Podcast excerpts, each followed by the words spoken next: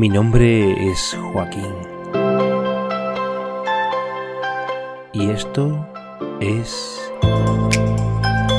segunda temporada de Meeple Podcast.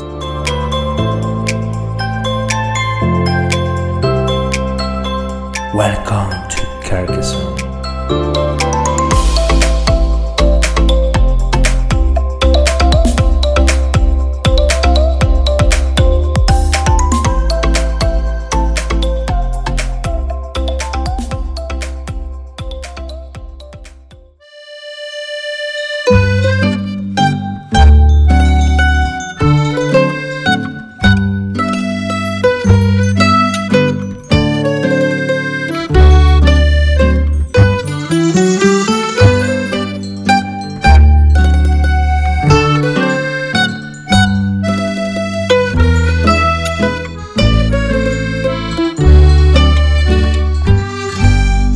This episode of Meeple Podcast, we bring you the manager of Spielezentrum who is working to host the Carcassonne World Cup event in the city of Essen. We welcome and thank him for his presence in this space. Hello, my name is Thomas Moder and I'm head of Spielezentrum in Herne, Germany, who is organizing the Carcassonne Championships for publisher Hans im Glück. How old is the Carcassonne final in Essen? Oh, um, as far as I know, the final takes place in Essen since the beginning of the World Championships. That's 16 years ago now. Until today, the location was changed only once. Um, it was for the 10th anniversary of Carcassonne. Then we relocated the final into the exhibition of the Museum of Archaeology in Herne. How many time had been spent Spielezentrum organizing the final? That's a difficult question.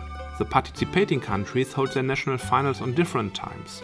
We have to be in contact with every country, and at the moment we're talking about uh, 45 countries or so, over the year and assist the players during the stay in Germany. You can imagine that it cost us some time to do this. The final itself is quite easy to handle. The hardest part is to get a space big enough each year new. Our experienced tournament team takes care of the rest as usual. What's Spielezentrum in fact? An association, a club, a company? What is Spielezentrum? Uh, Spielezentrum is a worldwide, unique, and one of a kind institution. Officially, we belong to the youth department of the city of Herne. We are an open house where young people can spend their free time, and we own the biggest game library in the world where you can rent every game nearly for free. On the other side, we are also a business of commercial nature, which is, which is necessary to um, organize the tournament seasons for different publishers. At the moment, we are um, doing uh, Catan for Kosmos, Seven Wonders for Asmodee, and of course Carcassonne for Hans im Glück. So you see, it's really a little bit of a complicated situation. Uh, by the way, I'm a civil servant and the only one in the world being paid for playing during his work. Has Spielezentrum a high coverage around Germany? In other words, is the Spielezentrum activity only close to Essen city? Um, yes, um, due to the fact that we belong to the city of Herne, we can only operate nearby our hometown. Special activities like the Catan Championship final in Munich or a game fair Spiel in Essen are the only exceptions so far. What about the final? How many people work to prepare the Carcassonne event? I organize everything concerning the World Championship alone, and one member of my team, who is organizing all the national tournaments for Spielezentrum, is responsible for the implementation of the final lesson then. How many players meet at the final, at the beginning of the event? As far as I know, the event started with only eight nations. Now we are at uh, 45 nations, uh, but not every nation takes part every year, of course. Chess clocks are really necessary? oh, yes, they are. There are always some players who would have an unfair advantage when they would have all the time in the world to think before placing a tile. The former world champion Martin Mojžíš from Czech Republic is one of these guys, and that's no secret, and he knows that.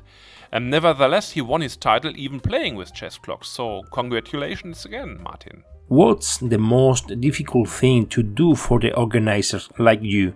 For everything will be ready to the final event. Um, as I mentioned before, it's always difficult to get a space big enough on the game fair grounds. There are many, many groups who want to offer special events during the game fair and therefore looking for an appropriate space.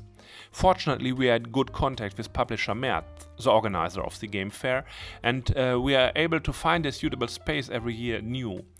Special circumstances like the COVID 19 restrictions last year caused some additional problems, which we were able to solve due to our long experience organizing such events. But um, that's another story. Many people think victory depends a bit on luck, not only on the knowledge about the game and the experience of competition. Perhaps the final system could be better if it was one more day longer, playing three games per duel what do you think about that? Of course, that would be better, but it's absolutely not possible. As noted before, we can only get a space big enough for one day only, and you better not ask what publisher Hans im Glück has to pay for that. Who is the main actor in this final? Hans im Glück, Spielezentrum, or Essen Festival organization? It's Spielezentrum who is running the show. Normally, Moritz Brunnhofer, head of publisher Hans im Glück, will be there at the winner ceremony, but we organize everything alone. Of course, Hans im Glück later pays the bill. Do you know Klaus Jürgen Wrede in person? Oh, yes, I know Klaus for over 10 years now. He's a very nice person and very supportive at the final. Normally, he will be there during different times of the day, taking time to sign tiles or anything else and talk to the players. He's also part of the winner ceremony each year, handing out the winner certificates to the participants.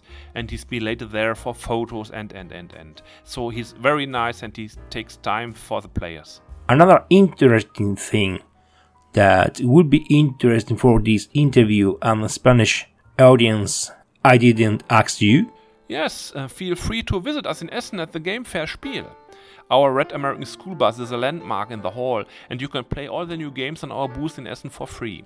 You will find us in hall number 1 at booth number D148 this year. D148. What about the Essen Festival? Many people tell us it's the big board game festival in the world. Um, Essen is the biggest and most important board game festival in the world. They had uh, 209,000 visitors in uh, 2019 and uh, in 2021 only 98,000 due to the different COVID-19 restrictions, but they're planning to reach over 200,000 again this year. All important publishers from around the world are there. Every serious player should have visited Game Fair Spiel at least once in his lifetime.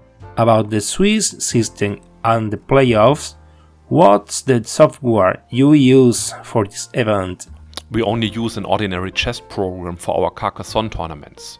That's no big secret. What are the main competition rules you must remember to everyone before the start of the competition? The end of the war rule? To take a tile while the opponent turn? Clocks, etc.? No, normally there's no end of the world rule.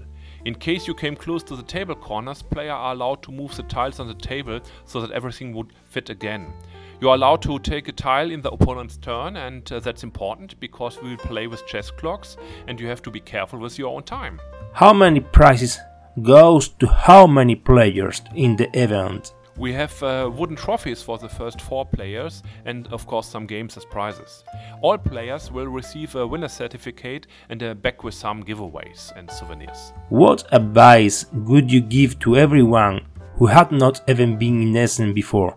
About the tournament, I mean. You should try to play using chess clocks because it's important to get a feeling for time management. And during lunch break, don't use the all-you-can-eat buffet too much, and because um, I have noticed that most of the top players eat very little due to the fact that they need the blood in the brain and not in the stomach. Thanks for the interview, Thomas. See you on Essen.